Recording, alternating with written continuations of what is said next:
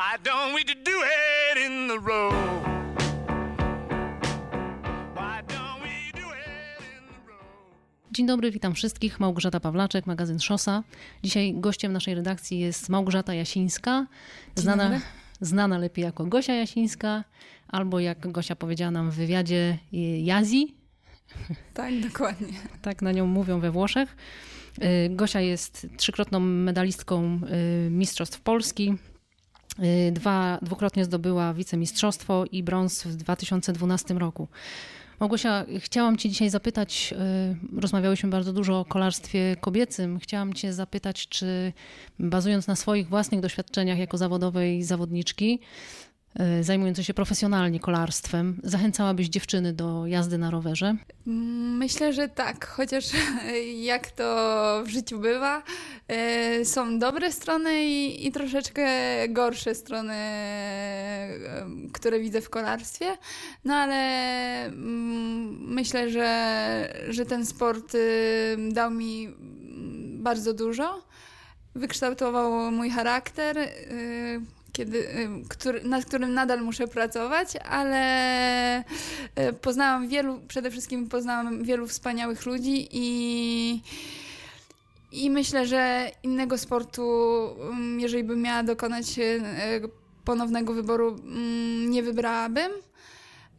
Ym, To, to, to sposób na życie i, i, i, i niekiedy dobry sposób na, na zarabianie pieniędzy, chociaż y, no nie jest to takie łatwe, ale w gruncie rzeczy y, można z tego wyżyć. Powiedz mi, co. Powiedz nam właściwie, co, co dla ciebie jest w tym kolarstwie takie ważne, że od, od tylu lat y, w nim, mm, w nim jesteś i miałaś już takie momenty y, zawahania pewnie, a, a mimo to nadal, nadal uprawiasz kolarstwo i to na takim światowym poziomie. Mm, Tak naprawdę to w przyszłym roku będzie już 20 lat, odkąd y, zaczęłam jeździć. Co prawda pierwsze lata nie były y, traktowane jakoś y, na serio, przynajmniej przez y, mojego tatę, który był moim trenerem. Przeze mnie oczywiście, jak to wynika z mojego charakteru, wszystko było na 100%. Y, Co takiego, to chyba tak naprawdę mm, kolarstwo stało się dla mnie mm, no, sposobem na życie, ale tak naprawdę narkotykiem, który wciąż e, mnie pociąga i, i co jest e, fajne w tym kolarstwie, że chociaż przeżywam każdą porażkę, e, no, znajduję jakąś motywację, by mm, nie tyle mm, przezwyciężać moje przeciwniczki, ale przezwyciężać moje słabości i samą siebie. I, I najważniejsze jest w tym, żebym miała satysfakcję z każdego wyścigu. Nie muszę wygrywać, chociaż oczywiście zawsze na starcie myślę o tym, ale o, chodzi o to, żeby być e, szczęśliwym i, i zadowolonym na końcu, na- po mecie, że dałam z siebie wszystko i, i czuję tą moc i, i czuję, że, że to, mm, tą satysfakcję, że, że jednak to, co robię, no, ma jakiś sens i, i widzę, że jeszcze y, no, w miarę możliwości rozwijam się i, i moja praca, y, moje treningi i, i także cierpliwość innych ludzi, których y, no jednak tę cierpliwość niekiedy wy- wystawiam na próbę, no mm, owocuje. Wśród odbiorców szosy jest y, wiele dziewczyn, które się ścigają y, amatorsko. Jest też wielu mężczyzn, którzy mm, chcieliby swoje partnerki zachęcić do y, uprawiania kolarstwa i mm, oni opowiadają o tym, że spotykają się z takimi obawami ze strony tych swoich dziewczyn, żon, że, że to jest nie, nie sport. Zgodzisz się z tym?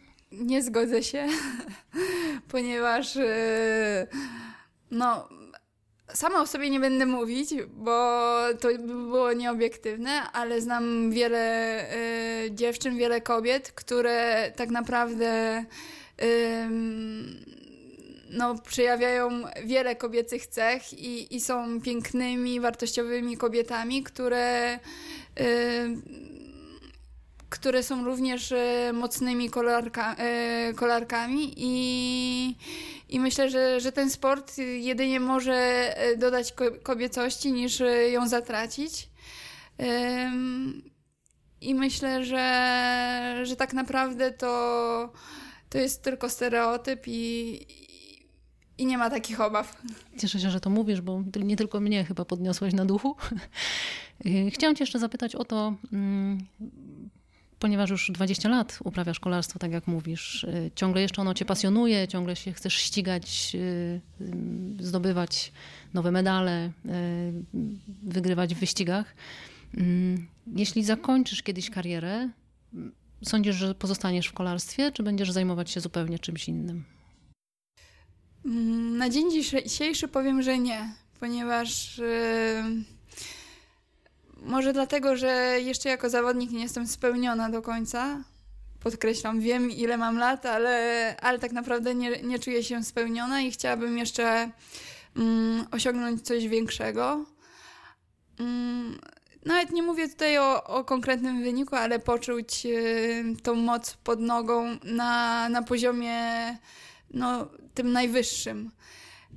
A, mm, ale to być może mówię dlatego, że nie pozostanę, bo, bo, bo poglądam na to na razie z perspektywy zawodnika. Może kiedy zakończę karierę i będę już osiągnę tą satysfakcję, y, z innej perspektywy spojrzę na kolarstwo, ale na razie myślę, że nie. W tym sezonie był Mm, który był dla ciebie taki mm, przełomowy, chociaż właściwie kilka poprzednich sezonów również było moim zdaniem przełomowych w twojej karierze i miałaś okazję pokazać, co potrafisz. Będzie taki wyścig, który będziesz szczególnie wspominać, będziesz do niego wracała? Y, no to na pewno Giro di Toscana, ale ze względu na, na atmosferę, która tam panuje. No i Mistrzostwa Świata w Richmond, mm, gdzie tak naprawdę Nikomu o tym jeszcze nie mówiłam, ale jak e, zaatakowałam i przekraczałam e, przedostatnie linię e, mety na przedostatnim okrążeniu, no był jakiś tam ułamek e, sekundy, kiedy pomyślałam, bym mogła przekroczyć też tą linię mety na następnym, super by było. No ale no ale później już y, uciekła ta myśl i, i tylko koncentrowałam się na pedałowaniu i daniu z siebie wszystkiego, co, co w tym momencie miałam. Y, ale chyba te dwa wyścigi zostaną najbardziej w moim sercu. No miejmy nadzieję, że, że, że jeszcze się doczekam jakiegoś wyścigu, który zapamiętam do końca życia, a nie najważniejszego w tym roku, bo jeszcze takiego yy, mam nadzieję, jeszcze taki przede mną. No i jeszcze Mistrzostwa Polski. No to o tym też muszę powiedzieć, że no, do trzech razy sztuka. Mam nadzieję, że w moim przypadku będzie do czterech albo pięciu. No ale też w tym roku Mistrzostwa Polski. No, ta rozgrywka z mojej strony była pokerowa, więc sama się sobie dziwię i, i, i muszę pierwszy raz w życiu powiedzieć, że no, dla siebie samej czapki z głów. Ja też jestem pod wrażeniem y, obu tych wyścigów, y, o których wspomniałaś, bo y, w momencie, kiedy w Richmond zaczęłaś uciekać, to myślę, że nie tylko ja stałam tam i krzyczałam z radości, a brytyjski komentator krzyczał Jaziński, Jaziński i chyba wszyscy się tym emocjonowali. Zresztą za chwilę na Facebooku miałam mnóstwo wiadomości, czy to oglądam i czy to widzę.